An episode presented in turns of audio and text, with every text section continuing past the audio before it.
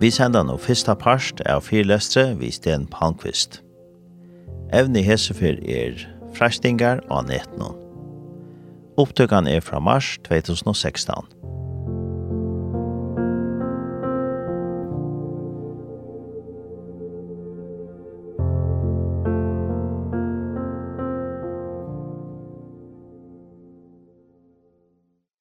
Først så øh, vil jeg gerne på min kones, Kajens, vegne og min egne sige tak, fordi I fik den idé og sendte ud efter os. Øh, siden vi fik den her mail, så har vi glædet os til at skulle lige en smut omkring færøerne. Og øh, da vi så stod ud af flyet, så var det sådan, ja, sådan duftede det jo på færøerne. Det er jo fantastisk. Øh, sådan er lyset jo, og vinden og menneskene. Så det var sådan nogle gamle minder, som dukkede op igen og skabte stor glæde i vores liv. Så tak fordi I sendte bud efter os. Det er sådan, det, det er næsten ligesom at skulle, skulle afsted til en sølvbryllupsfest et eller andet sted. Så, så vi har glædet os rigtig meget til at, til at være her nogle dage. Så tak skal I have for det. Så har vi jo et emne, der hedder fristelser på nettet, og øhm, Jeg tænker ikke, der er ret mange af os, som, som sidder her øh, i aften, som ikke kender til fristelser på nettet. Øhm, for det er jo sådan, at der man er mange af. Der man er utrolig mange af. Øh, det er sådan, at de er så mange artede, så at øh, man kan ikke sådan lige kategorisere dem og sige, at der er en enkelt eller to, som, som er en fristelse, resten det er ikke en fristelse. Ehm og det er fordi, at det handler nok ikke så meget om det, som er på nettet, men det handler mere om, hvem vi er.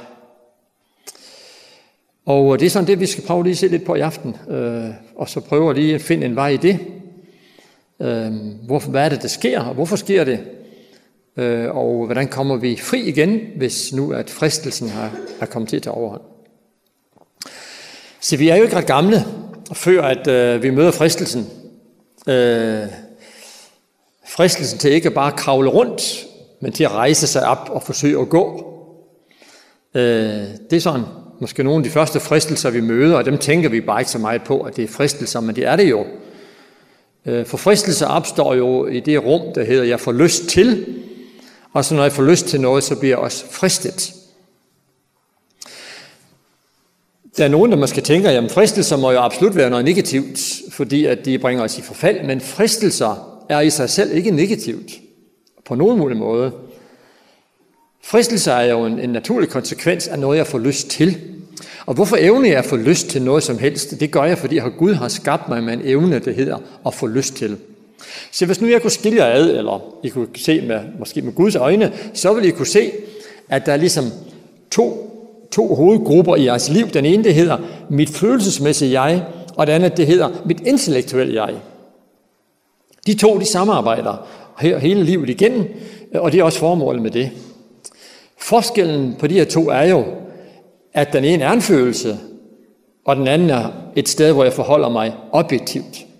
Følelsen forsøger hele tiden at, kan man sige, at overbevise min intellektualitet om, at det er den, jeg skal lytte til og rette mig ind efter. Det er faktisk også sådan, at når man går ind og ser på, hvad er det for nogle valg, vi tager i livet, så påstår de her kloge hoved, at 70 procent af vores valg, de er ikke taget ud fra en intellektuel overvejelse, men de er taget ud fra en følelsesmæssigt initiativ, lyst, fristelse. Som sagt, de følelser, vi har i vores følelsesmæssige jeg, har Gud jo skabt i os.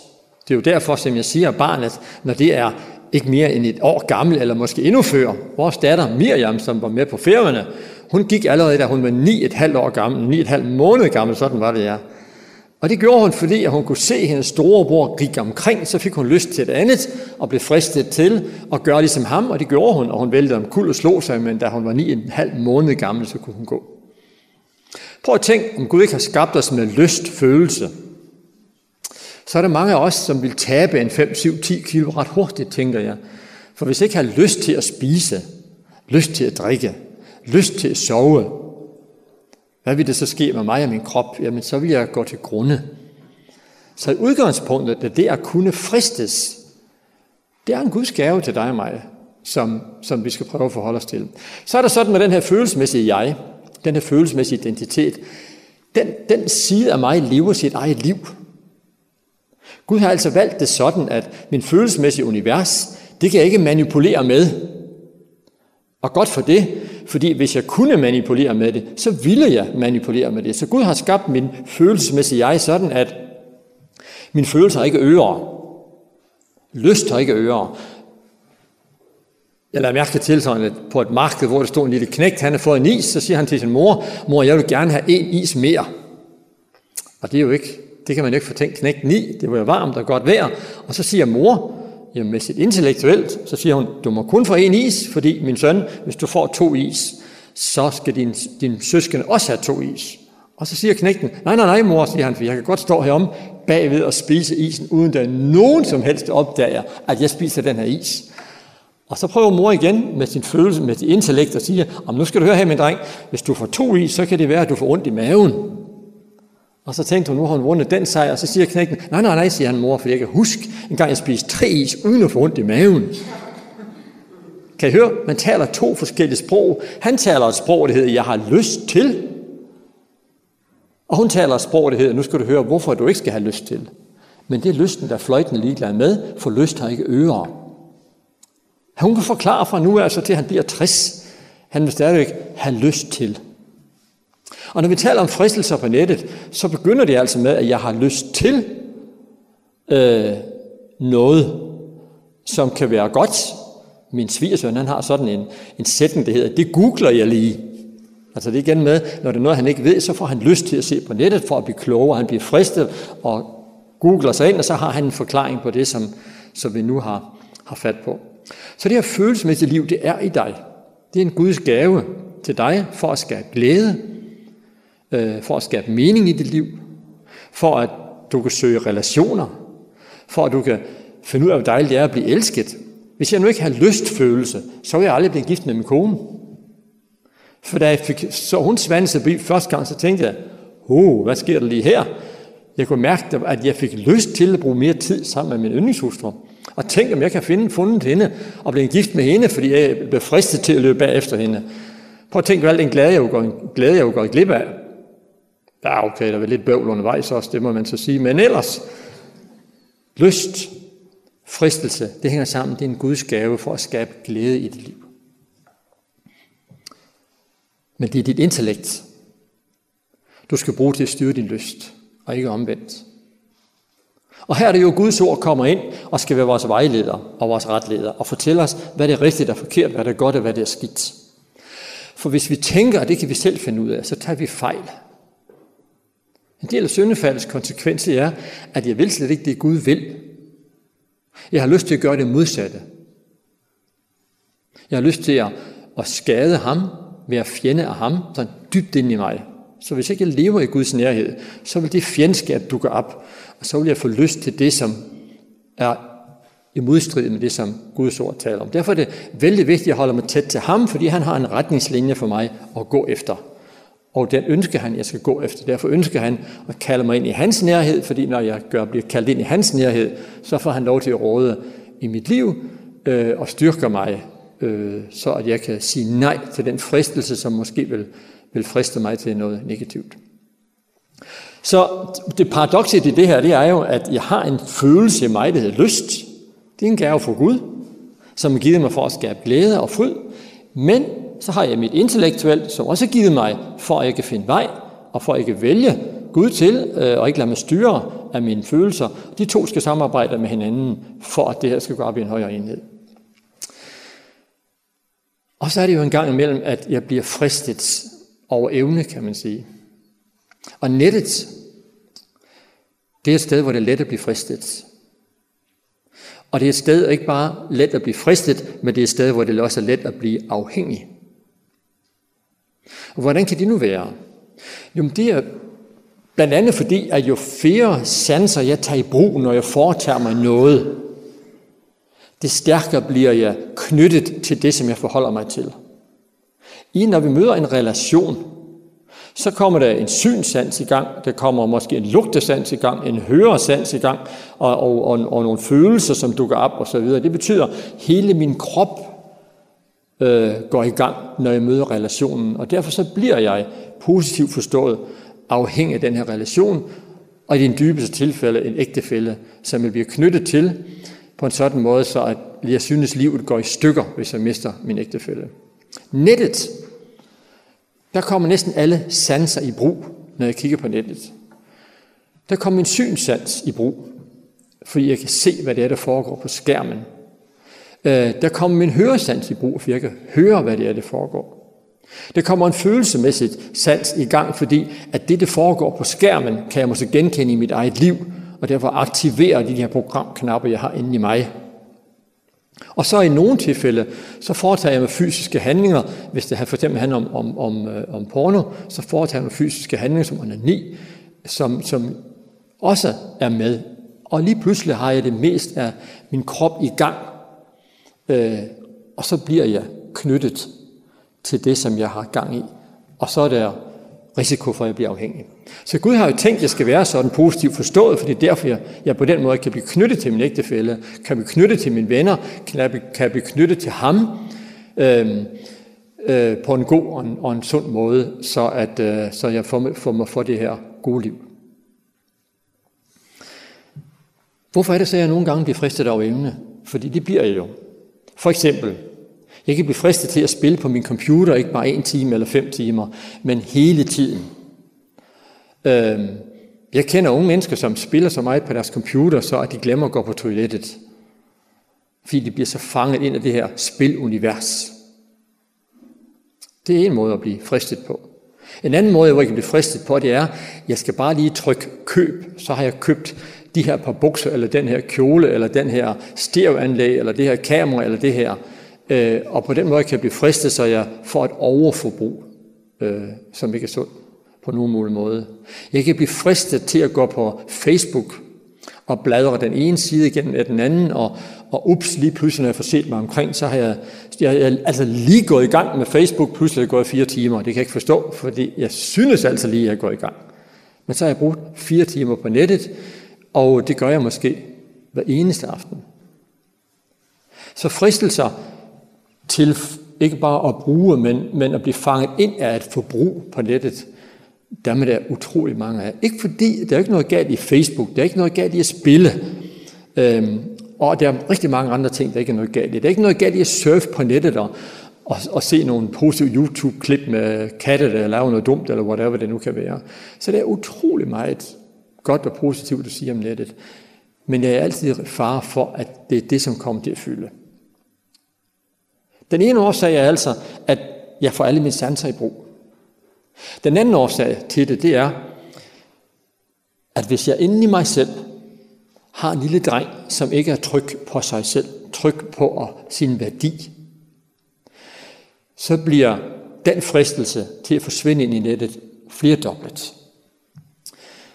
Når jeg møder mennesker i mit arbejde som familieterapeut, som er blevet afhængig af noget på nettet, så møder jeg altid, altid et menneske, som inden i sig selv har en lille dreng eller en lille pige, som er ked af det på en eller anden måde. Ked af det, lidt deprimeret, øh, føler sig glemt, usikker på at være elsket, øh, usikker på at blive valgt til, og så videre, så videre. Altså en ensomhedsfølelse, som gnæver et eller andet sted, en angst for at blive valgt fra. Jeg møder altid et sårbart menneske inde bagved, så at det at gå på nettet, det bliver et surrogat i forhold til en ensomhedsfølelse. Så træder jeg ind i et felt, hvor at, at ensomheden og tristheden og, og sorgen over ikke at tro på sig selv og hvad det end skal være, det bliver det bliver udjævnt, det bliver, det bliver glattet ud. Når jeg bliver optaget af Facebook, så glemmer jeg alle de her ting, som gør ondt. Så når jeg møder mennesker, som er, er afhængige af et eller andet på nettet, så møder jeg altid et menneske, som indeni er ked af det. Eller deprimeret. Altid. Jeg har endnu ikke mødt et menneske, når vi kommer til at tale sammen om tingene, hvor jeg tænker, det var dog fantastisk, det har et sundt syn på sig selv, det tror på, at sin har sin værdi, ikke er bange for ikke at blive elsket osv., det har jeg aldrig mødt endnu. Kun det er net. Så den ene grund til at blive fanget ind af nettet, det er altså fordi, jeg får en masse sanser i gang og blive fanget af det. Og husk igen, glem det aldrig, det er noget Gud har skabt, og det er godt, de her sanser, de er skabt til fryd og glæde for dig. Tænk på, om man ikke kan kysse sin kone godnat, og så tænke, Nå, men det, det, det skabte der ikke nogen som helst følelse. Det, her.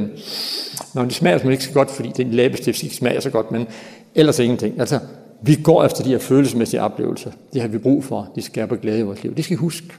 Og det andet, det er så, hvis du i dit liv har et sårbart indre menneske, så er du i risiko for at blive fanget ind i, i det her øh, net og blive afhængig. Så er der sådan den her afhængighed, øh, at så kan, man, så, kan vi, så kan vi meget let tænke ved os selv, nå jamen, jeg holder da bare, når jeg nu vil det. Og det er der rigtig mange, som, som tænker, når jeg taler med mennesker, som, som bruger timer øh, bare på sådan noget uskyldigt noget som Facebook for eksempel, og siger, jamen, du kan vel Øh, kan du stoppe, når du vil? Ja, siger de. Det kan jeg sagtens. Men når de så går i gang med at stoppe, så opdager de pludselig, at, at, at øh, der kommer restløshed. Der kommer uro. Der kommer en eller anden stressreaktion. Det er som om, at øh, hvad skal jeg nu lige øh, øh, gøre mig selv, og, øh, øh, og, og så videre, og så videre. Altså, der sker noget i os, som er ubehageligt, som i og for sig signalerer, at nu er jeg begyndt at blive afhængig på et eller andet niveau, fordi jeg har lavet mig friste til at blive for længe og se på det, som jeg nu har set på. Som sagt, der er rigtig mange ting, vi kan blive afhængige af. Det, som jeg har lyst til at trække frem som noget særligt, det er, det er porno på nettet. Øh, fordi at det er den helt store svøbe, i hvert fald i Danmark, især blandt unge mænd. Det sker ikke så sjældent endda, at jeg får unge mænd ind til samtale, og de taler så om, at de er på nettet og ser porno. Og det vil de have hjælp til at stoppe igen. Jeg troede, sagde han, at jeg havde styr på det, den sidste fyr, jeg havde, men, men dengang jeg forsøgte at stoppe, så, så lykkedes det ikke rigtigt for mig. Så nu er jeg blevet en lille smule forskrækket. Øhm, for hvad er det lige, der sker? Øhm, Porno på nettet er i Danmark blir en underholdning. Nu taler man om det, som man taler om en pose bolsjer. Øh, man taler om, at selvfølgelig er en ung mand, øh, som, som er 15, 16, 17 år, selvfølgelig er han, en, jeg tror det er mellem 2 og 4 timer på nettet om, øh, om ugen og se porno. Det er da klart. Jeg har set i tv, hvordan at, øh, der var sådan en terapeut inde i tv, som skulle prøve at hjælpe et par. Og problemet det var, at han gik på nettet flere gange om ugen, og det syntes hans kone ikke var en god idé. Og terapeutens svar til hende, det var, ved du hvad, vi har alle sammen vores hobbies. Så derfor skal du bare have, give din mand lov til at have sin hobby. Længere er den jo ikke. Det må du bare finde dig i. Og så sent som på vej her til ferierne, så hørte vi det igen, hvor det blev talt om porno. Og øhm, det bliver talt om det som om, det er da noget naturligt, og det er noget ganske fint. Øh, og sådan er det jo. Men det er det ikke. På nogen måde øh, det er noget enormt destruktivt. Det ødelægger. Jeg fik en ung mand i terapi. Han var gift. Han var leder i en kirke, i en ungdomskirke, øh, og øh, havde ansvar for, for mange unge mennesker. Så siger han, jeg kommer, fordi at, øh, at, siger han, at jeg tror, jeg er afhængig af porno. Okay, siger jeg, prøv at fortælle lidt mere. Og så siger han, jamen, siger han, øh, jeg skal i hvert fald ind og se porno to gange om ugen, siger han, ellers så bliver jeg restløs. Så siger jeg, hvad siger din kone til det? Jamen, siger han, det er faktisk sådan, at jeg skaber en konflikt med hende to gange om ugen. Og så bliver hun sur, og så går hun i seng. Og så når hun bliver sur og går i seng, så går jeg på nettet. Siger du, siger til ham, at du skaber en konflikt med din kone, for at kunne komme på nettet og se porno? Ja, siger han. Det gør jeg. Okay, siger hvis du nu skulle prøve at sådan skravere dig selv, hvis du nu har sådan en figur af dig selv, og skulle skravere dig selv, hvor meget fylder så porno i dit liv, Øh, sådan, prøv altså tankemæssigt og følelsesmæssigt og handlingsmæssigt. Og så skraverede han så den her tegning, som jeg har lagt frem til ham, og det eneste, som ikke var skraveret, det var den ene arm. Jeg siger, nu skal jeg lige forstå det rigtigt. Siger du, at porno fylder så meget som det her? Ja, siger han. Det gør. Cirka hver femte minut, så passerer der en pornofilm forbi min indre nethinde. Uanset hvor jeg er henne. På nær, når jeg sover, så bliver jeg fri. Ellers er den der og forstyrrer mig, og jeg skal kæmpe med det igen og igen og igen. Jeg kender andre mennesker, som var afhængige af porno på nettet, og som blev skilt, fordi at, at øh, det lykkedes ikke rigtigt at få det forbugt med det.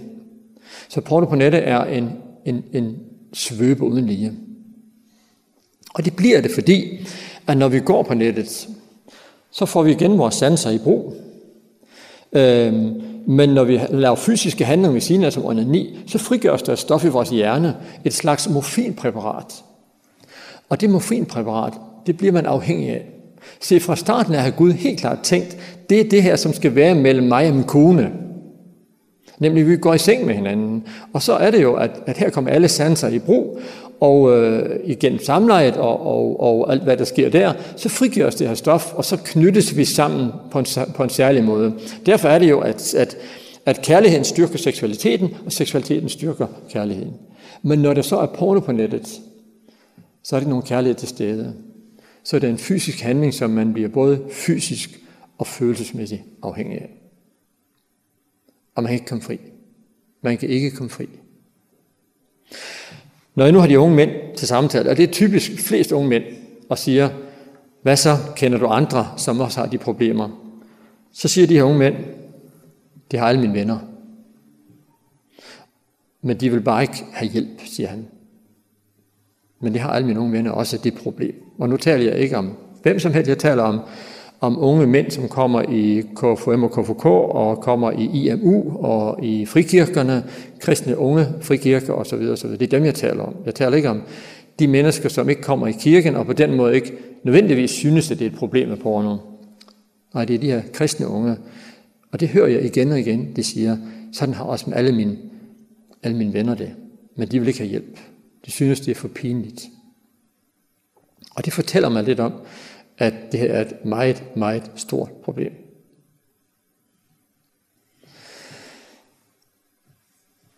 Som sagt er der andre fristelser på nettet. Det her det er det største, og det er det værste, og øh, det ødelægger mennesker.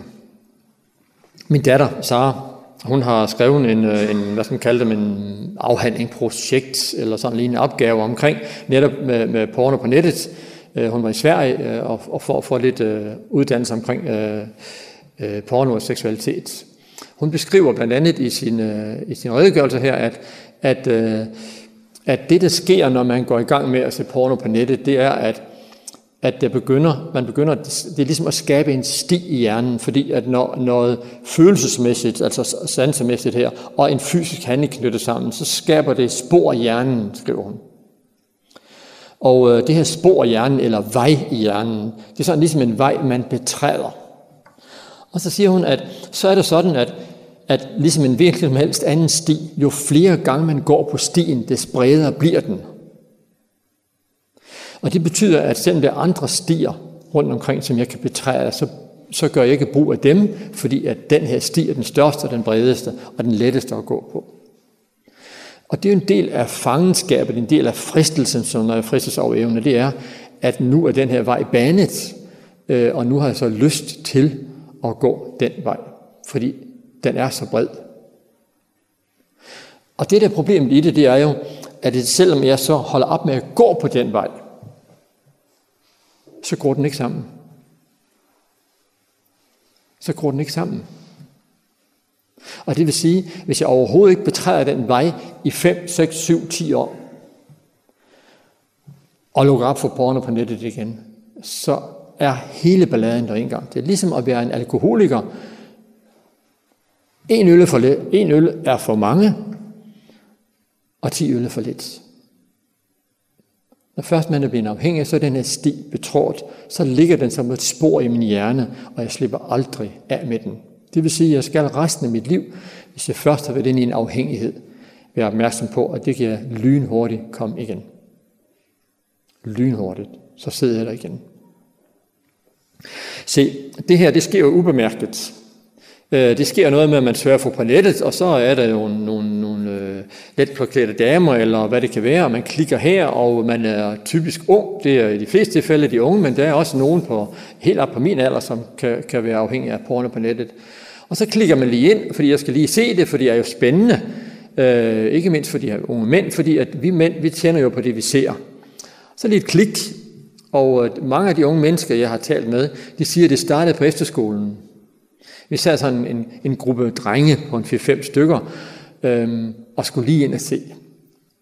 Og bedraget her, det er jo, at når bare vi er nok, så bliver det ikke farligt. Det er som om, at hvis man finder en 4, 5, 6, 7, 8 stykker og ser på porno på nettet, så får vi en følelse af usårlighed. Det er også noget, det Sara hun skriver i sin, i sin afhandling her omkring porno på nettet. Så får man en følelse af usårlighed. Øh, når alle de andre gør det, så får jeg også en følelse af usårlighed. Det er derfor, at langt de fleste unge mennesker i Danmark for eksempel ser Paradise Hotel. De er porno ind ad bagdøren. I høj grad. Og vi tænker, at det ser de alle sammen, så tager vi nok ikke skade af det. Jo, Det har den samme effekt. Vi begynder at skabe stier i vores hjerner, og de stier bliver større, jo længere tid det går.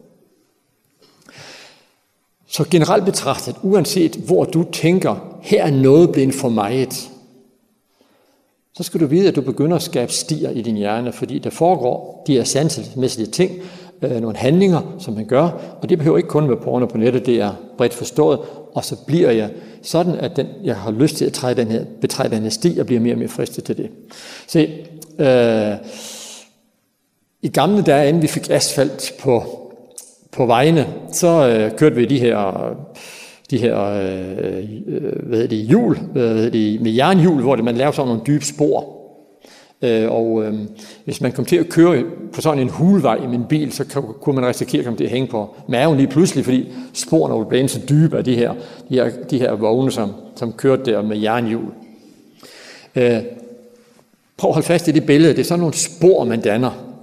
Så hvis man bliver træt af, at køre dernede og risikere at hænge på maven, så man kører op på kanten, så, så er det jo en balancekunst at komme til at køre der i starten, fordi der er ingen andre spor er og man glider lidt ned i, i de gamle spor. Sådan, sådan er det også, hvis jeg bliver afhængig af noget på nettet, og siger, nej, nu skal jeg godt nok få taget mig selv sammen. Øh, men jeg glider meget let ned i det spor her igen. Det er også sådan, at selv når jeg så har fået skabt nye spor, for det gør det jo, hvis jeg hele tiden kører på kanten og ikke kører ned i de gamle spor, så kommer der nogle nye spor. Men de gamle spor forsvinder ikke. Det er igen det her med, at laver en sti, så er den lavet. Og derfor skal vi være opmærksom på, at vi kan blive fanget ind igen.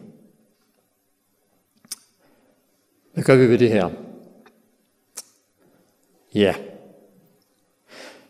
For det første, så har vi en tendens til at fordømme os selv, som Bittne hun siger indledningsvis her. Fordi jeg grundlæggende hader mig selv for at gøre det, jeg gør. For at se den afhængighed i øjnene, jeg er. For at foretage det forkerte, som jeg gør. Det er den første fejl, jeg begår. Det er at fordømme mig selv. Som jeg også hørt indledningsvis, Jesus fordømmer ikke nogen. Så når jeg møder unge mennesker, som kommer, som er afhængige af porno på nettet, så det første, de siger, det er, hvordan har du det med dig selv, at du gør det? Og så kommer netop det, som jeg hørte indledningsvis, skyld og skam og selvhad. Så er vi nødt til at have fat i den side, fordi hvis jeg bærer på skyld og skam og selvhad, fordi jeg er blevet afhængig af porno på nettet, eller blevet afhængig af andet på nettet, så har jeg allerede tabt kampen. Fordi grundlæggende, så er det sådan, at jeg bliver afhængig, så er det fordi, jeg har en lille dreng inde i mig, der er ked af det. Hvis jeg så fylder ham med skyld og med skam og fordømmelse, så bliver han dobbelt så ked af det. Og så er kampen tabt lige med det samme. Så jeg lige skal kaste håndklædet i ringen først som sidst. Så vi må et sving omkring og sige, så tror du Gud siger omkring det her. Og de kan opdage, at han fylder ikke dig med skyld og skam. Nej, han står der med her begge hænder rakt ud og siger, jeg ved godt, mit barn, at det her det er svært for dig. Jeg ved godt, at du ikke vil det. Jeg ved godt, at du hader det, når du kommer afsted med det. Du skal bare vide en ting, det er, jeg fordømmer dig ikke. Jeg fordømmer dig ikke. Men jeg er i stedet for her for at hjælpe, for at styrke og for at gøre godt imod dig. Det er sådan det første, vi skal have fat på. Nej, Gud fordømmer os ikke. Det er jo sådan, at ja, der var en mor, hun havde 10 børn. Hun blev spurgt, hvilke af dine børn holder du mest af? Så siger hun, hmm, jeg holder vist lige meget af dem alle sammen. Så holdt hun en pause, og så sagde hun, nej, så alligevel sagde hun, hvis der er en, der er syg eller svag, så er nok den, jeg holder mest af. Sådan er det også med, med Gud hvor, hvor, hvor højt elsker han sine børn. Han elsker dem lige meget, men er det en, som er syg, svag, sårbar, afhængig af porno, så er den, han elsker mest. Så derfor er du der, hvor du engang vil opleve porno på nettet, så skal du vide, at Guds kærlighed, den er der med fuld tryk, fuld kraft, ingen fordømmelse. Ingen fordømt, ingen fordømmelse, som dem er Jesus Kristus, som vi har hørt. Det er rigtigt. Hold fast i det. Det er det første. Punkt to, det er, det er næsten altid en hemmelighed, når man er blevet afhængig på nettet og lader sig friste over evne. Det er næsten altid en hemmelighed, fordi jeg netop skammer mig over det. Det må ikke være en hemmelighed. Så længe det er en hemmelighed, så tager jeg også kampen. Jeg er nødt til at dele det her med en anden. Jeg er nødt til at få i talesat, hvad det er, som jeg har gang i. En fortrolig kammerat, en fortrolig ven, som jeg kan betro mig til, og som vil være der for mig, øh, så at vi kan tale om det, netop uden fordømmelser. Helst en, man kan bede sammen med os omkring det. Men en, som jeg kan være fortrolig med. Fordi hemmeligheder, de gror stille og roligt inden i os selv. Fordi hemmeligheder, som ikke kommer ud af min mund, ikke får i tale sat, det knytter sig fantasier til. Fantasier, det går i retning af, at, at det er værre, end det er. Altså, hvis, du kender det helt klart fra mange andre sammenhæng. Hvis det er sådan, at din, din ægtefælle er sur på dig, så går fantasien i gang. Og, øh, og hvis hun nu er sådan fra en skala fra 0 til, til 10 er sur på dig en femtal, så i din fantasi kører den videre, og den havner næsten altid på et 8-tal eller 9-tal. Og så bliver du øh, vildt forbavset og tager på mod næse og munden, når hun kommer og giver dig en knus. Og tænker, hvad? Jeg troede, han var sur på mig for et 8-tal. Og nu får jeg i stedet for en knus og et kæretegn hemmeligheder, der knytter sig fantasier til, og gør tingene værre. Så derfor bliver du værre, end du er i dit eget univers, hvis det er hemmeligheder. Men hemmeligheder, der kommer ud af min mund, de bliver afgiftet. Jeg ser det gang på gang i mit arbejde med mennesker. Når først hemmeligheden er sluppet ud, når de sidder og, og fortæller, hvad det er, de bruger nettet til, så rejser det sig op, og jeg kan se på dem, de bliver 10 cm højere og udtrykker stor glæde og fryd.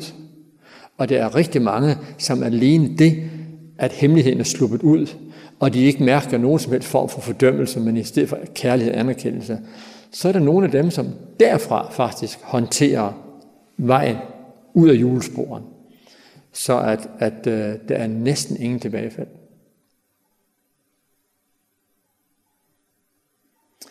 Så det må ikke være en hemmelighed.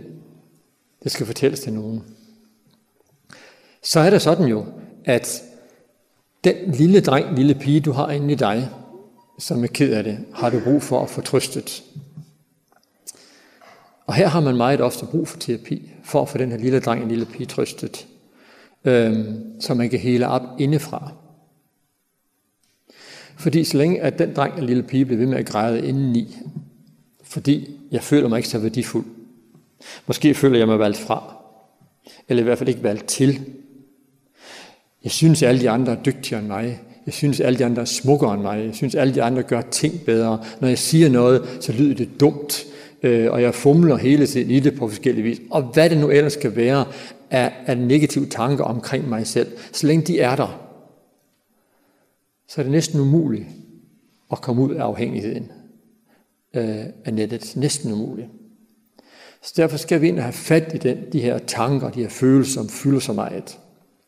Og det kan man gøre med stor formodighed, fordi, jeg skal sige noget med i morgen, det her med, at Gud han siger, lad os, gøre, lad os skabe mennesket i vort billede, så de ligner os. Det der ligner os.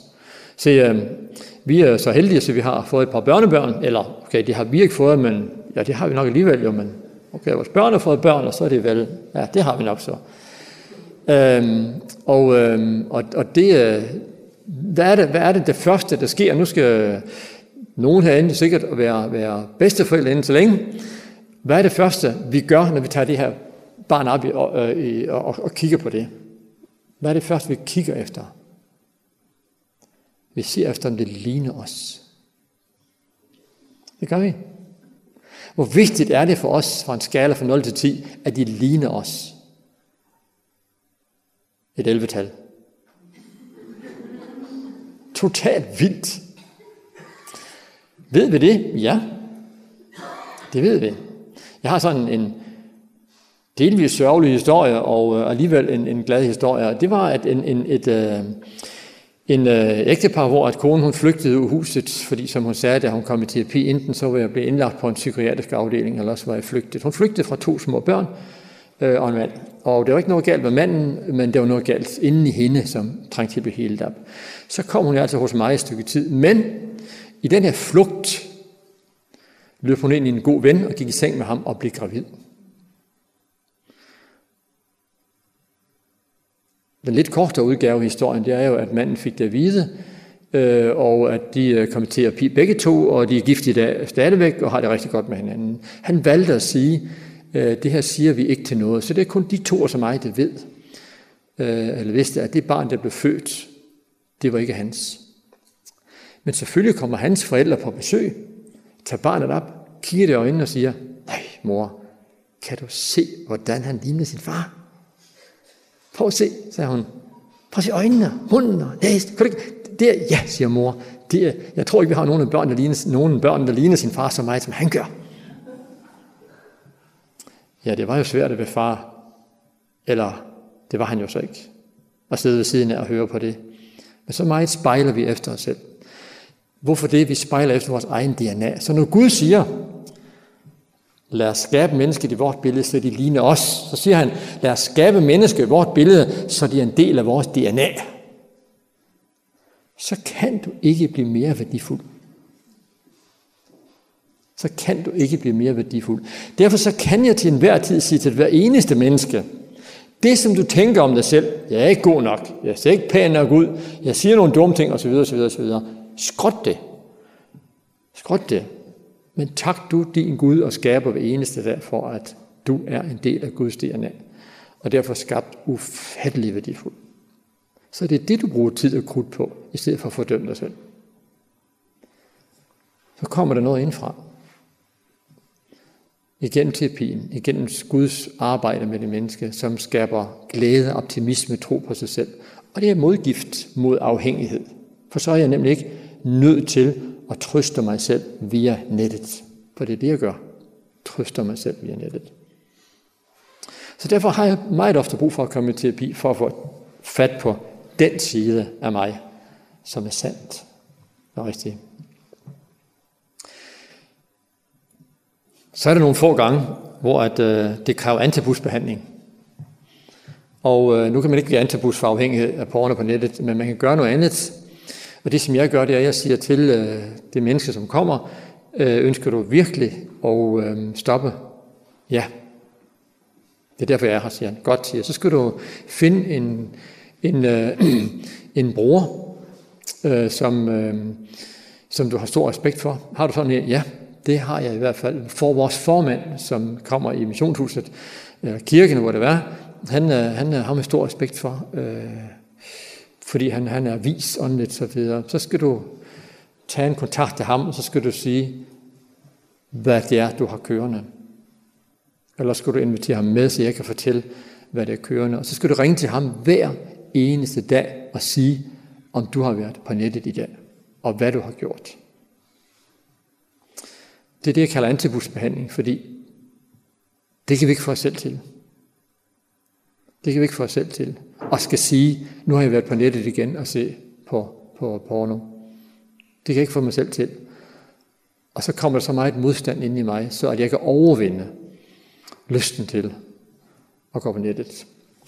Og så skal vi finde en hel masse andre handlinger, som hedder, når jeg får lyst, så gør jeg det, eller det, eller det, eller det, eller jeg ringer til en veninde, eller en, eller en ven, eller whatever det nu kan gøre. Sådan at jeg finder forskellige former for værktøj, jeg kan bruge i kampen. Og så kan jeg blive fri. Helt fri. Og jeg ser de her unge mænd, når de kommer ind, øh, og nogle gange også unge piger, og de stråler som sole, når de siger, nu har jeg overhovedet ikke været på nettet i tre måneder. Fantastisk jeg har haft en sådan ung mand. Nej, de kom begge to, og så siger hun, øh, vores problem det er, at min kæreste her, han går på nettet. Så siger jeg, det rigtigt? Ja, siger han. Og jeg har stoppet, jeg har prøvet at stoppe det, og det er ikke lykkedes. Så siger jeg, vil du have hjælp? Ja. Så siger hun, fint, siger hun. Så holder vi en pause med vores kæresteri. Øh, og øh, så når du er færdig med, med øh, i terapien og kan komme og fortælle mig, at nu har du ikke været på nettet i, i øh, 7, 8, 9 måneder, så kan vi godt blive kærester igen. Det er den 15. maj. Så skal han mødes med hende igen. Men han stoppede fuldstændig, og han stråler som sol øh, i høj grad. Og det sidste, der skal til, det er, det er en trøst.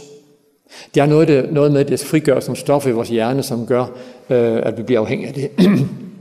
Vi skal ikke bare fjerne det, fordi så opstår der det her hulrum øh, og en længsel efter igen og, og få de her stoffer til vores hjerne, som jo, som jo altså stadig Gud har skabt i os. Så vi skal skabe alternative muligheder for at få nøjagtigt den samme oplevelse. Og det vil sige, at vi skal gå på jagt efter, hvad det jeg ellers interesserer mig for, som jeg kan fylde mit liv med. Øh, og hele vejen rundt. Hele vejen rundt. Og det kan være, at jeg skal til at spille noget mere fodbold. Det kan være, at jeg skal gå i fitnesscenter. Det kan være, at jeg skal være med i en lovsangsgruppe. Det kan være, at jeg skal være, hvad det nu kan være, som på en eller anden måde giver mening i mit liv, og som skaber glæde, og som skaber anerkendelse. Øh, så er jeg på vej ud af den her afhængighed. Vi skal til at runde af nu. Det, jeg har lyst til at sige til sidst, det er jo, så længe vi lever, er det risiko for, at vi kan blive fanget Det er ikke sådan, at uh, nu er jeg 60. Nej, jeg er vist lidt mere, ikke det, Karin? Jeg tror, hun siger, at jeg er 63. Jeg fylder vist 64. Uh, jeg er i risiko for at blive afhængig. Det er vi. Så derfor så er det jo sådan, at vi ikke sådan skal læne os tilbage og sige, det sker aldrig for mig. Så jeg må være opmærksom på, hvor er det min livsvej, den går. Det vil sige, jeg må prøve at holde øje med min følelsesmæssige jeg, om intellektuel jeg. Nogen vil af jer vil måske spørge, hvor bliver det åndelige jeg er. Det åndelige jeg er både det følelsesmæssige og det intelligente, eller intellektuelle. Så det er, vi er der begge, det er der det hele. Øhm, jeg må hele tiden, det fortæller Bibelen også, kæmpe som en nævekæmper. Jeg må løbe for at vinde sejrskrisen, sejrsprisen. Øhm, og øh, det vil sige, at jeg må hele tiden være opmærksom på, hvad er det, der sker i mit følelsesmæssige univers? Hvad er det, jeg bruger min tid på? Øh, hvor er Gud hen i mit liv? Øhm, og øh, hvor, hvor bliver hvad skal man sige, det meningsfyldte af i mit liv? Hvordan ser det ud? Og øh, får du periode i dit liv, hvor du synes, at livet er tungt og trist, så lad være med at finde dig i det. Men prøv at gå ind og finde ud af, hvorfor er det så sådan? Øh, fordi der, der findes en grund til, at det er blevet, som det er blevet. Og jo mere tung og trist vi er, det større risiko er det for, at vi, vi bliver afhængige af noget på den ene eller den anden måde. Men heldigvis findes der vej ud hvis det sker. Øh, så vi igen kan bare løfte vores hoveder med frimodighed og, og glæde os over friheden ved at være dem, vi er. Vi skal lige bede. Kære Gud og Far, vi takker dig for alle de følelser, du har skabt i os. Tak, at du har skabt dem til os for at glæde os og fryde os. Både i forhold til os selv, i forhold til vores omgivelser. Herre, vi takker dig for alle de muligheder, som du giver os, og tak, at du så kender os og ved, at vi er sårbare mennesker.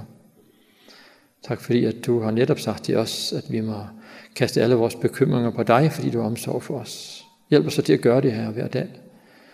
Ikke bare en gang imellem, men hver dag, så at du må få lov til at lede og føre os igennem livet. Og her bliver vi afhængige af noget på nettet, af den ene eller den anden slags. Herre, hvis du, vil du så gøre os opmærksom på det, så vi kan få gjort noget ved det så hurtigt som overhovedet muligt. Her har jeg min bøn. Amen. Og så har jeg mulighed for at stille nogle spørgsmål.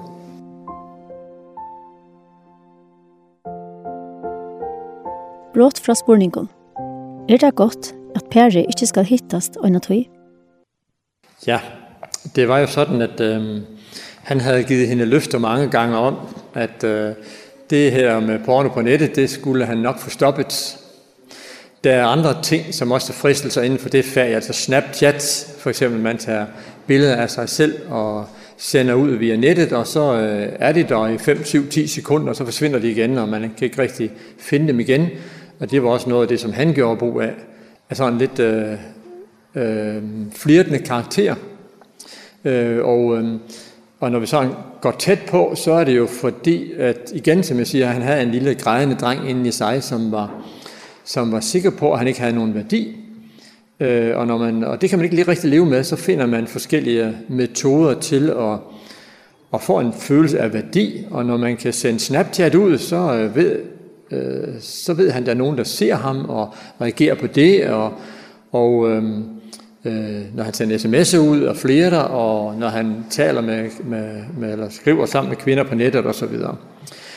Og øh, grunden til, at han kom, eller de kom, det var fordi, at, at øh, hun havde faktisk en, en, et ønske, som var, at øh, det skulle stoppe. Øh, og det er mig, der siger det til hende. Jeg siger, ved du hvad, øh, øh, hvis, hvis nu at det her det skal lykkes, så er du nødt til at holde en pause fra din kæreste, fordi hun var Hun var jo den, der hele tiden kontrollerede ham. Altså hans, hun skulle hele tiden holde øje med hans telefon, hun skulle holde øje med hans mails, hun skulle holde øje med alt. Så hun, hun havde næsten ikke et roligt øjeblik, fordi hun skulle holde øje med ham hele tiden. Og det er en af, det er en af fristelserne, når man bliver afhængig af de her ting. Det er for ens kæreste eller kone til at, at slukke for internettet, eller lave en hemmelig kode, eller, eller kontrollere hele tiden. Og det var, hun, hun var sådan fuldstændig optaget af kontrol. Og det lykkes aldrig. Fordi der er jo kun en mulighed for at komme ud af sådan en afhængighed, og det er, hvis han selv vælger at kæmpe sig igennem det. I den her kamp, som han skal i gang med, og som kun handler om ham, og som han skal kæmpe alene, og han skal overhovedet ikke dele det med nogen som helst, eller med hende, men med, med, med en kammerat med mig. Det er kun i den her kamp, at han udvikler kompetencer til at kan bekæmpe sin lyst Øh, og derfor så, så smider jeg hende ud og siger, jeg vil foreslå, at du øh, trækker dig ud af hans liv. Øh, og nu får han så en mulighed for at øh, kæmpe sig igennem det. Øh, og, øh, og så spørger hun selv, er det okay, siger hun, jeg venter på ham. Ja, ja. Det må du gerne. Så, øh, så de laver en aftale, Øh, og, og jeg siger til ham, at du må ikke ringe til hende, du må ikke sms til hende, du må ikke skrive sammen med hende, du må ikke gå på nettet, du må ingenting det er fra nu er det lukket den fuldstændig ned. Fordi hvis det er sådan, at altså der er en gulderod der om 7, 8, 9 måneder frem, som er en del af hvad skal man sige, behandlingen. Så, så ja, hun, hun kom så lidt hun mig, kommer lidt med mig, for at også kunne ligesom holde ud og være i det her ventefelt. Så, øhm, men han er helt ude af det nu, fuldstændig. Alt er lukket ned af den slags ting, og øh, sidst han var her, øh, så siger jeg, Nå, hvordan er det så med de og de og de ting? Og siger han, det tænker jeg aldrig på, siger han.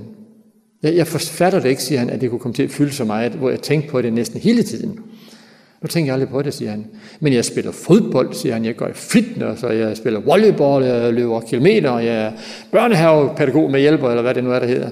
Og øh, så videre, så videre. Og siger han, at jeg kom med i en, en, en bibelgruppe, og vi studerer Guds ord, og vi diskuterer, og jeg kom med i en bedegruppe. Og det ovenikøbet lykkes, siger han, i den her værtslige fodboldklub, hvor jeg kommer, der inviterer så mange andre drenge, så nu er vi en kristen fodboldhold, som spiller for lige fod med alle de andre. Så, så i stedet for at lade sig fylde af, af trøst igennem alle de her ting, så fik han, nu får han jo så en anden, en helt mange andre positive oplevelser igennem alt det, han gør. Og han er simpelthen så stolt, så jeg, han rører næsten ikke gulvet, når han går.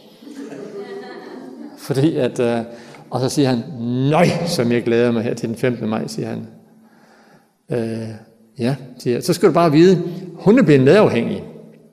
Nå, siger han, hvad betyder det? Det betyder, at hun vil kontrollere dig, når du træder ind i hendes liv igen.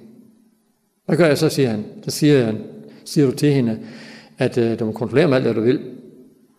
Øh, men øh, Men jeg gider ikke diskutere det med dig. Det er mit, og det er mit alene, og jeg har besejret det. Øh, så, øh, men hun kontrollerer det, siger hun vil gå ind og kigge på dine mails, og, fordi at der skal opbygges en tillid, og det tager tid. Og så vil hun diskutere det med dig, siger jeg. Så vil hun sige, er du øh, sikker på, at du er ude af det? Ja, skal du så sige, som du er. Og så siger hun, nej, men, øh, men er du helt sikker? Og så skal du sige til hende, ved du hvad, det vil jeg ikke diskutere med dig. Det er mit problem, det er min opgave, jeg har løst den, og den skal du slet ikke blande dig i. Så kort proces, og det lykkedes. Det er fantastisk at se sådan nogle mænd der. Det er, det er sådan i det der, hvor jeg kom ind til Kajen og siger, i dag behøver jeg ikke have løn. Øh, fordi at, øh, ja, og, han, og Det, der sker i den her proces, det er, at hans maskulinitet den vokser og vokser og vokser og vokser, vokser. Men så længe, at han skal have sin kæreste til at kontrollere ham, så bliver hun pludselig den store mor, der skal holde med sin dreng. Og så sænkes hans maskulinitet, og til sidst så har han en, en lille dreng tilbage, som, som, øh, som ikke kan klare sig selv. Nu er han blevet en mand. Og det har haft en enorm effekt på ham. Altså for et år siden, der vidste han ikke, hvad han ville og hvad han skulle og så videre. Nu er det den vej, Det er den uddannelse. Jeg starter 1. august, og jeg gør sådan, jeg gør sådan, og så videre. Tag initiativ til det og det. Og... Så det er jo det er sjovt at se, og godt at se. Men det er simpelthen fordi, at man skal selv kæmpe sin kamp. Man skal selv kæmpe sin kamp. Altså i forhold til kæresten. Det er også, hvis den rejser om en kone, at så skal man selv kæmpe sin kamp. Hun vil gerne vide, øh, og det kan også være nødvendigt, at hun ved, at han har de problemer. Øh, men så skal han selv kæmpe sin kamp via god ven og via terapi. Ja. Ja. Nu skal I spørge løs. Alt det, I vil. Altså, øh, det, som, det som forebygger, at man bliver afhængig, det er trivsel. Altså jo, jo mere, jo bedre et barn trives, og en, og en teenager trives, junior og en teenager trives, des mindre sandsynligt er det for at blive fanget ind af, af afhængigheden. Og derfor er det jo, at, at det bliver en lille smule svært, fordi hvornår trives vores børn optimalt? Altså vi kan, jeg har sådan en tese om det at være forældre, det hedder, øh, for mig selv, jeg gjorde mit bedste, tankers tegn, men det var ikke godt nok. Det er sådan, det er det, jeg må leve med. Fordi uanset at jeg gør mit bedste, så er det ikke godt nok, fordi altså, hvordan deler man sol og vind lige mellem fire og fem børn, for eksempel? Øhm, og så er det jo også det, at, at for eksempel, hvis det er nogen øh, barn nummer tre, som bliver født, og det blev født som det nemmeste barn i hele verden, Og det betyder, at når det er først er født, så har man siger sov, så sover det, vogn til vogn, og det er spist, så spiser det, og bøvs i bukserne, så gør det det, og så videre. Altså det er simpelthen det nemmeste barn i hele verden, og derfor får de meget ofte lov til at sidde lidt længere tid for sig selv end de andre børn. Fordi vi har jo travlt som forældre med en hel masse gøremål. Og det ved man i dag, at det observerer barnet. Så når knægten han bliver ældre, så har han en følelse, at han ikke er helt så værdifuld som de to andre. Hvad kan vi gøre ved det som forældre? Ja, det opdager vi jo ikke. Og så har man pludselig en, en, en, en, en, en knæk her, nummer tre, som, som øh, ikke har alt for gode tanker om sig selv, og synes de andre, de gør det lidt bedre, eller meget bedre, og, og han også dummer sig lidt en gang imellem, og det er nok også hans egen skyld, og så videre. Og så kommer den her tristhed ind, og så pludselig, så er han på nettet og, og bliver fanget ind, fordi det er så meget trøst i lige det øjeblik, det sker, Så meget trøst igennem den her porno, og så meget had bagefter, når man har gjort det. Og så bliver han fanget ind i det her. Det kan også være, at det er barn nummer et, som jo er øh, den der, den, altså barn nummer et, hallo, alt med barn nummer et foretager sig, det er sjovt, det er hyggeligt, det er rart, det er dejligt, det er fantastisk, og så videre, og så videre, og så videre. Øh, og så får man barn nummer to, det er der nogen, der er så uforsigtige, så de gør, Barn nummer to får man måske efter tre et halvt år. Så bliver barn nummer et, hvis det er sådan en lille knæk der, som, som er tre et halvt, fire år gammel, så bliver han inden for en uge konverteret om fra at være den lille, sjove, hyggelige, rare, fantastiske, dejlige, til at være den store og den fornuftige. Samtidig med, at han mister 75 procent af fars og mors opmærksomhed. Han går da i chok. Og det ville jeg da også gøre, hvis det var sådan, at min kone blev så meget optaget af noget andet, så jeg mistede 75 procent af hendes opmærksomhed. Ej, det gør jeg nogle gange imellem, for eksempel når hun handler ind og sådan noget. Men ellers, det er jo forbigående. Han går i chok, sådan en lille fyr. Øh, fordi sidste uge, der slog han brudt ved bordet, så siger far og mor, det gør vi jo altid som regel, ikke så? bøh, så bøvser han lidt. Ej, nej, nej, det er jo lidt sjovt. Ugen efter, nej, nej, lap, det gør store drenge ikke. Hvad er nu det for noget? Hvem har lært det sådan noget? Øh, det var sjovt sidste uge. Og så bliver han usikker den her knæk på, sin værdi. Og så finder han en overlevelsesstrategi, som kan være, at han bliver pleaser, eller han bliver en ballademager. Og drenge bliver meget ofte lidt ballademager, øh, fordi så, øh, jeg må jo gøre noget for at blive set. For den her lille ny vidunder, der står far må mor jo hele tiden sådan, øh, så jeg må gøre noget for at blive set, så laver han ballade. Hvad så sker der så? Så får han skæld ud. Og så pludselig ændres hans selvbillede nemlig. Jeg er den, der får skæld ud. Jeg fik en... Øh, Jeg fik en rocker ind i terapi, og øh, ikke en kristen. Han øh, kom, fordi som han øh, jo kunne bruge sit sprog, øh, havde det dårligt en gang imellem, så nu synes han, han lige skulle i terapi. Øh, han fortæller mig jo så indledningsvis, at han synes, at fredag aften og lørdag aften, det var de to bedste aftener om ugen. Dem elskede han. Så siger jeg, hvorfor det? Der skal jeg på værtshus, siger han. Okay, på værtshus? Ja, siger han. Så skal jeg op og slås. Det er det, siger han. Det er det, som er godt. Åh, oh, det må du fortælle mig. Jamen, siger han, har du aldrig prøvet, at nogen slår på dig? Øh, jo, altså en gang. Det er da fedt, siger han. Det er simpelthen, når man får en ordentlig knytnæve i benene, siger han, det er simpelthen fedt. Nå, han siger han, det er nu endnu federe at give den anden ind på gummerne, så tænderne står i tre rækker for at komme ud. Det er endnu sjovere, siger han. Nå, er det det, der er hyggeligt? Ja, siger han, og så ryger hash. Men 45 minutter senere, så har jeg en dreng på fem år til at sidde på den stol, og han græd egen grad. Så laver jeg sådan en lille opstilling for ham, så siger han, prøv at se her, nu har du far og mor her, og så din lille søster, og så dig. Hvordan skal de stole til stå? Og det gik ret lang tid, så har han sat to stole, øh, som ven. Først, først placerer han sig selv. Foran sig, der placerer han to stole, ligesom vendt ryggen til, og så en tredje stol foran, som vendt ansigtet til. Så, så den femårige dreng, han fik et billede af sig selv, det hed, det er far og mor af min lille søster, og så har de glemt mig. Derfor blev han rocker. Fordi det gjorde simpelthen så ondt. Og han ikke kunne få kontakt til sine forældre. Jeg talte med hans forældre, og de har gjort deres bedste. Det gør forældre. Så vi kan ikke altid, uanset det vi gerne vil det, sørge for maks trivsel Derfor er det også veldig vigtigt, at vi som forældre ikke bliver fyldt af skyldfølelse. Vi gjør vores bedste. Vi gjør vores bedste. Selvom det ikke var godt nok. Og det må vi godt indrømme. At vi, det var ikke godt nok, men vi gjør vores bedste. Og vi elsker vores børn. Der er ingen, der elsker vores børn så højt, som vi gør. Så vi må løfte vores hoved med frimodighed og sige, jeg ved godt, at jeg ikke opfyldt alle de behov, du har. Kan du tilgive mig? Så vi dukker hovedet, fordi vi ikke synes, at det lykkedes for os. Og så er det jo de her bivirkninger, de kommer ind. Og så må vi tage hånd om vores børn, når de kommer, hvis det er så, de har fortrolighed med os. Og hjælpe dem. Så at de kan komme videre med livet, og ikke fordømme dem. Så det er en vanskelig kunst at være forældre. Men jo mere trivsel, desto mere modgift øh, på, på, øh, i forhold til det at blive afhængig. Og så er det jo klart, at når, når Gud fylder i mit liv, så er det noget andet, som giver mig glæde i livet. Så, øh, så derfor er der nogle, nogle felter, hvor det er modgift, men, men det lykkes ikke altid. Brått fra spurningen. Hvordan er bøyte med kinene? Jamen, øh, det er jo sådan, at 80 procent af dem, som bliver afhængige af porno på nettet, er drenge. Og det sidste 20, det er så piger.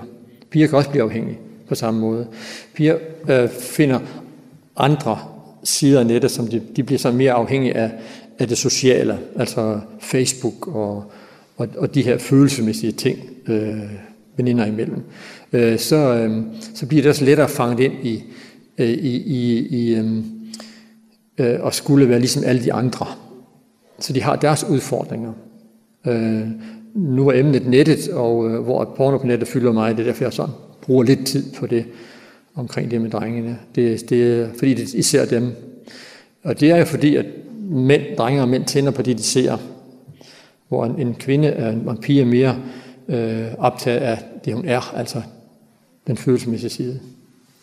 Men vi kender også til, til problemer, og de er, de er stigende, også blandt piger i Danmark brått fra spurningen. Hva kan samkommet han gjøre? Jamen, øh, det ene det er jo, at vi, vi skal prøve at mødes med de unge mænd omkring lige præcis det emne og ikke andet. Hvor at vi inviterer til en åben drøftelse omkring tingene, øh, hvor at vi måske kender en, øh, som, som har været afhængig af borgerne på nettet og kan komme og sige lidt om det øh, og på den måde skabe en drøftelse. Vi har nogle gange været ude, Karin og jeg siger noget omkring seksualitet på efterskole, og når jeg kommer en gang imellem ud stadigvæk, hvor det er noget af det, som jeg, jeg mødes med drengene om, som så kom for at drengene for mig selv. Øh, og så kan jeg tale med dem om, om seksualiteten og afhængigheden og porno på nettet og, og hvad den gør. Og fordi det er et drengeforum, øh, så tør de være mere åbne omkring det. Øh, og hvis man får fat i en, som selv kender til det at være afhængig, så, så er de endnu mere åbne. Og det, det skal vi gøre. Øhm, og det skal vi ikke gøre én gang, det skal vi gøre flere gange. Sådan. For der er jo en udskiftning i blandt de unge mænd.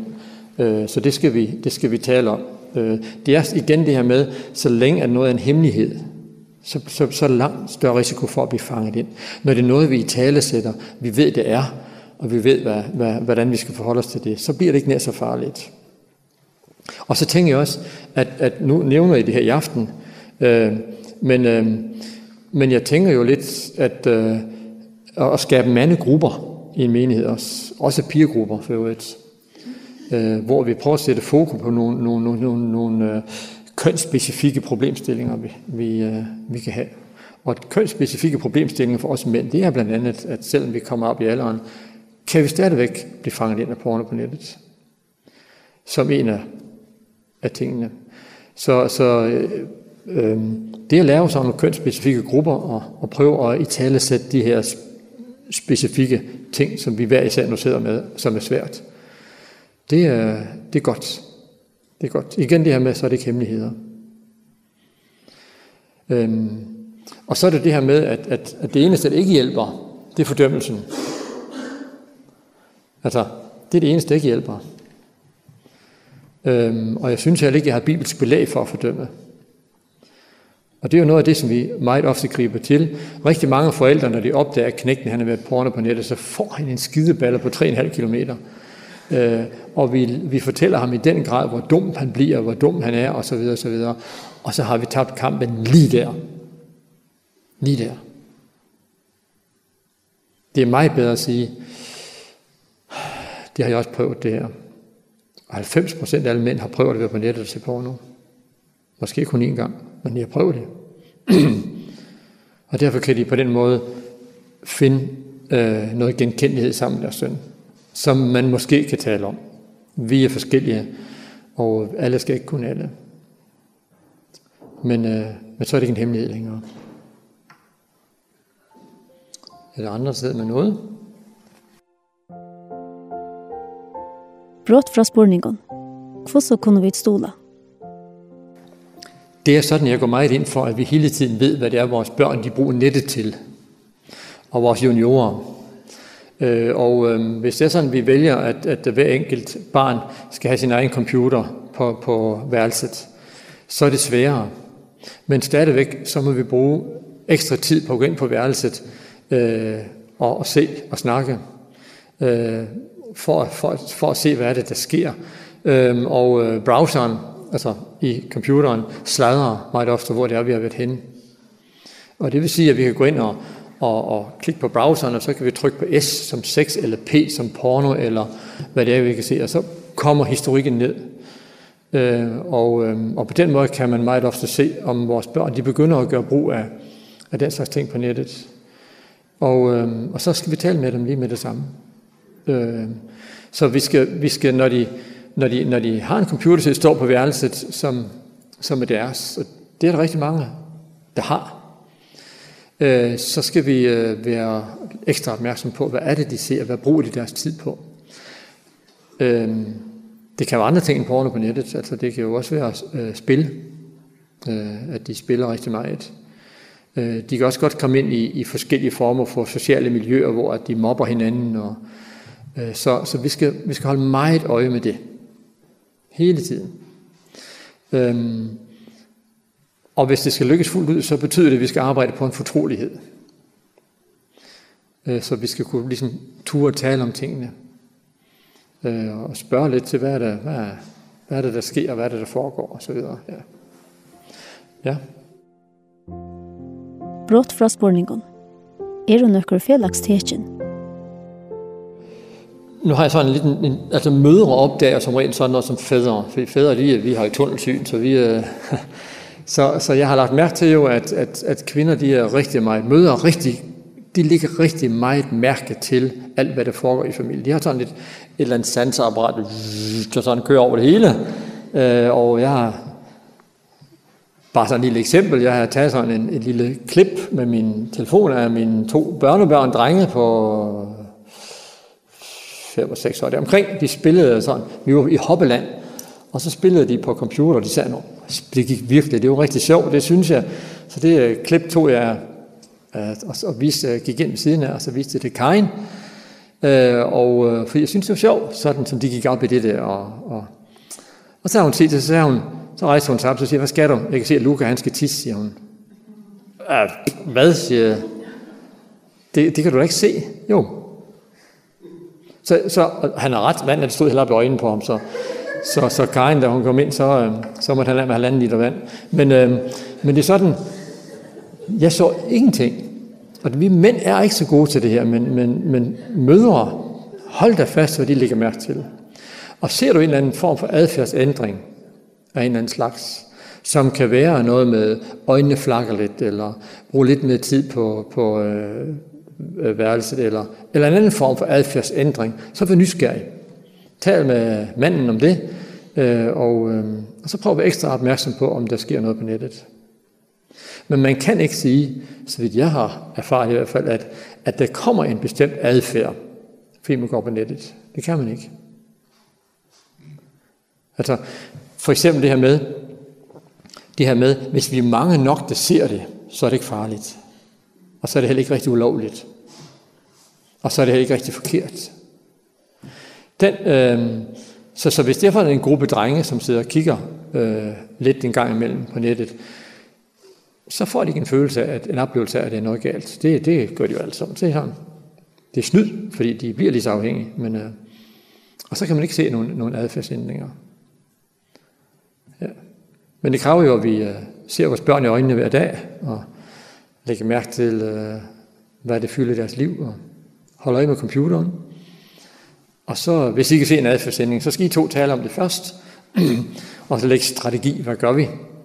Og det kan jo øh, være forskellige strategier, vi lidt afhængig af, hvad I ser. Ja.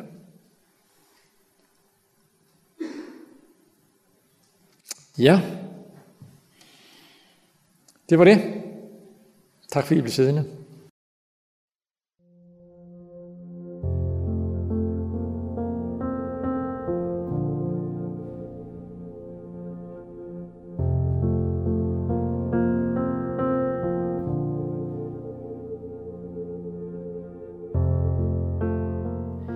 Vi da sent fyrsta parst av fyrlestre vi Sten Palmqvist.